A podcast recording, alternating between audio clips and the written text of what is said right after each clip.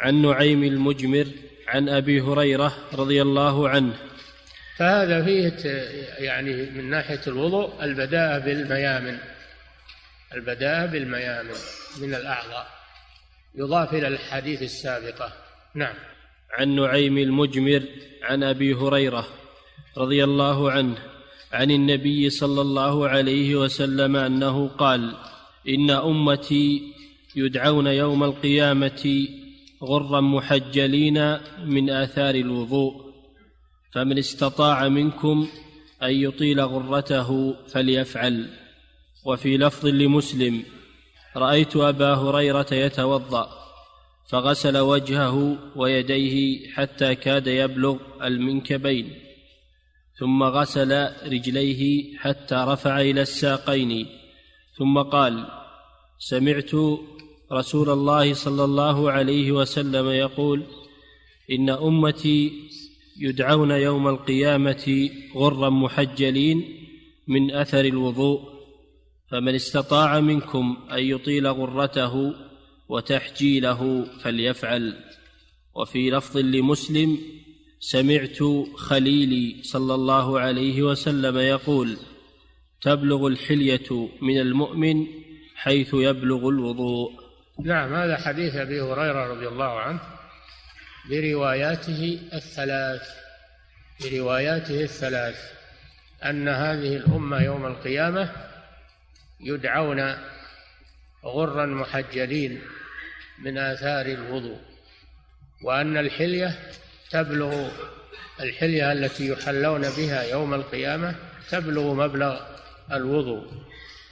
فهذا الحديث فيه فضل الوضوء. فيه فضل الوضوء وهو عبادة عظيمة وطهارة عظيمة وأن آثاره يوم القيامة تكون نورا تكون نورا يعرف به أهل الوضوء من بين الخلق. وقوله عن نعيم المجمر المجمر قالوا لأنه كان يجمر المسجد بمعنى يبخر المسجد فسمي بالمجمر من أجل هذا. وكان أبوه قبله يفعل ذلك. فالمجمر معناه الذي يجمر المسجد بالبخور. وهذا الحديث فيه فضل الوضوء كما ذكرنا وأن آثاره تكون نورا يوم القيامة على المسلم. والغرة هي البياض الذي يكون في جبهة الفرس والتحجيل هو البياض الذي يكون في أقدام الفرس.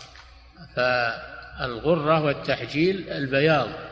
هذا في الدنيا البياض الذي يكون في جبهة الفرس وفي قوائمها. المؤمنون يوم القيامة يتميزون الذين يتوضؤون في الدنيا للصلاة يتطهرون يصير آثار هذا الوضوء نورا يوم القيامة. يعرفون به ويتميزون به عن غيرهم. فهذا فيه فضل الوضوء وأنه في يوم القيامة تكون آثاره على المتوضئين نورا يتلألأ وجمالا. يتميزون به لآثار الطاعة والعبادة. فأبو هريرة رضي الله عنه لما روى هذا الحديث أو سمع هذا الحديث من الرسول صلى الله عليه وسلم بلغه للناس بلغه للناس ليستبشروا به وليفرحوا به وليعتنوا بالوضوء حتى يحصلوا على هذه الفضيلة. وأما قوله من استطاع منكم أن يطيل غرته وتحجيله فليفعل. وكان أبو هريرة يغسل حتى يشرع في العضد اليدين ويغسل الرجلين حتى يشرع في الساق. هل هذا من هو المقصود في الحديث؟ أنه يزيد على غسل أنه يزيد على المرفقين ويغسل العضد ويزيد على الكعبين ويغسل الساق أو بعض الساق. هل هذا هو المقصود؟ أو هذا فهم فهمه أبو هريرة رضي الله عنه. على قول من العلماء من يقول هذا مرفوع. قوله من استطاع منكم أن يطيل غرته وتحجيله هذا مرفوع إلى النبي صلى الله عليه وسلم وهو من الحديث. فيستحب أن يزيد الإنسان في غسل وجهه فيغسل شيئا من رأسه يغسل الناصية مع الوجه ويزيد في غسل اليدين فيغسل العضد أو بعض العضد ويزيد في غسل الرجلين فيغسل من الساق ويرفع الغسل فوق فوق الكعبين بناء على أن هذا من قول الرسول صلى الله عليه وسلم من استطاع. وذهب جماعة من العلماء إلى أنه لا يزاد على الحد المفروض. فلا يزاد في غسل الوجه عن الحد المشروع ولا يزاد في غسل الرجلين واليدين عن المرافق والكعبين لأن هذا هو التحديد الذي جاء في الآية. هو التحديد الذي جاء في الآية فلا يزاد عليه. وأما قوله من استطاع منكم أن يطيل غرته وتحجيله فهذا من كلام أبي هريرة مدرج في الحديث. والمدرج هو ما كان من كلام الصحابي من كلام الراوي. المدرج عند علماء الحديث وفي الاصطلاح أو المصطلح هو ما كان من كلام الراوي. فيكون قوله فمن استطاع منكم هذا من كلام الراوي. أبو هريرة أبي هريرة فيكون مدرجا في الحديث يكون مدرجا في الحديث. وعلى فرض أن أنه من كلام الرسول صلى الله عليه وسلم من استطاع منكم أن يطيل غرته وتحجيله. على فرض أن هذا من كلام الرسول فليس المراد به الزيادة في الغسل وإنما المراد به المداومة على الوضوء والطهارة المداومة على الوضوء والطهارة. وهذا ما اختاره شيخ الإسلام ابن تيمية وابن القيم وجماعة وذهب إليه الإمام مالك وأحمد. ذهب إليه جماعة من المحققين أنه لا يزاد في غسل الوجه عن الحد عن حدود الوجه ولا يزاد في غسل اليدين والرجلين عن المرفقين والكعبين. وأما وأما من استطاع فهو من كلام أبي هريرة رضي الله عنه أو أن المراد به المداومة على الوضوء حتى يحصل المسلم على هذه الميزة العظيمة وهذا هو الراجح. الراجح أنه لا يزاد على وأن هذا مدرج من كلام أبي هريرة كما ذكره المحققون من أهل العلم. مدرج من كلام أبي هريرة رضي الله عنه. ثم يبقى البحث هل الوضوء من خصائص هذه الأمة أو أنه مشروع للأمم السابقة. على قولين القول الأول أنه من خصائص هذه الأمة لأنه جعله ميزة لها يوم القيامة. والقول الثاني أن الوضوء عام لجميع الأنبياء وجميع المسلمين في كل عصر. ولكن الخاص بهذه الأمة هو الغرة والتحجيل فقط. وأما الوضوء فهو مشروع لجميع المسلمين في كل وقت. نعم. وفي لفظ لمسلم سمعت خليلي صلى الله عليه وسلم يقول تبلغ الحلية من المؤمن حيث يبلغ الوضوء. نعم سمعت خليلي يقول أبو هريرة رضي الله عنه سمعت خليلي. والخليل مأخوذ من الخلة وهي المحبة. مأخوذ من الخلة وهي أعلى درجات المحبة لأن المحبة لها درجات عشر. أعلاها الخلة. أعلاها الخلة. والله جل وعلا اتخذ إبراهيم خليلا واتخذ محمدا صلى الله عليه وسلم خليلا.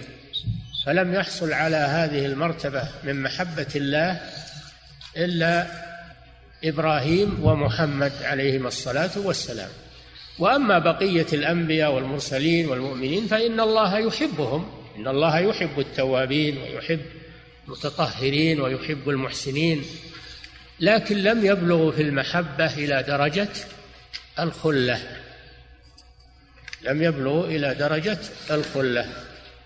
إنما حصل عليها هذان الخليلان إبراهيم ومحمد عليهما الصلاة والسلام. اتخذ الله إبراهيم خليلا أي محبوبا له تعالى بلغ أعلى درجات المحبة. والخلة لا تقبل الاشتراك. الخلة ما ما تتخذ خليلين. ما يكون إلا خليل واحد فقط. ما تتخذ خليلين أو ثلاثة أخلة أو أربعة ما تقبل الاشتراك. ولهذا قال صلى الله عليه وسلم لو كنت متخذا لو كنت متخذا من أهل الأرض خليلا لاتخذت أبا بكر خليلا ولكن صاحبكم خليل الله. فلا يقبل الاشتراك. لا يقبل الاشتراك. ولهذا لما ولد لإبراهيم الولد على الكبر وأخذ شعبة من قلبه بالمحبة ابتلاه الله بذبحه. ابتلاه الله بأن أمره بذبحه فأراد أن ينفذ لأن لأنه أراد أن يبتحنه ويختبره فأمره بذبحه. فلما أقدم على ذبحه دل على خالص محبته لله عز وجل وأنه قدم محبة الله على محبة الولد فنجح في الامتحان عليه الصلاة والسلام وصار خليل الله. ولهذا النبي صلى الله عليه وسلم يقول لو كنت متخذا من أهل الأرض خليلا اتخذت أبا بكر خليلا. ما الذي منعه؟ لكن صاحبكم خليل الله. الذي منعه أن محمدا صلى الله عليه وسلم خليل الله فلا يتخذ خليلا آخر. وأما أن أن أبا هريرة أو غيره من الصحابة يقول خليلي رسول الله فلا مانع من ذلك.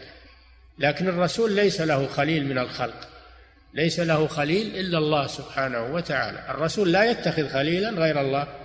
وأما الصحابة وأما المؤمنون فيتخذون الرسول صلى الله عليه وسلم خليلا لهم بمعنى أنهم يحبونه أشد المحبة وأعلى المحبة. هذا معنى أوصاني أمر سمعت خليلي رسول الله صلى الله عليه وسلم يقول تبلغ الحلية هذه فائدة ثانية من فوائد الوضوء أن المتوضئين يحلون يوم القيامة وتكون حلاهم أو يكون حليهم بقدر مواضع الوضوء من أعضائهم. فدل هذا على فضل فضل الوضوء.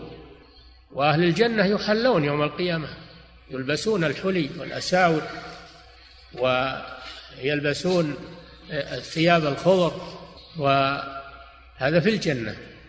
يحلون يحلون فيها من أساور من فضة. يحلون فيها من أساور من فضة. ويحلون بالذهب أيضا.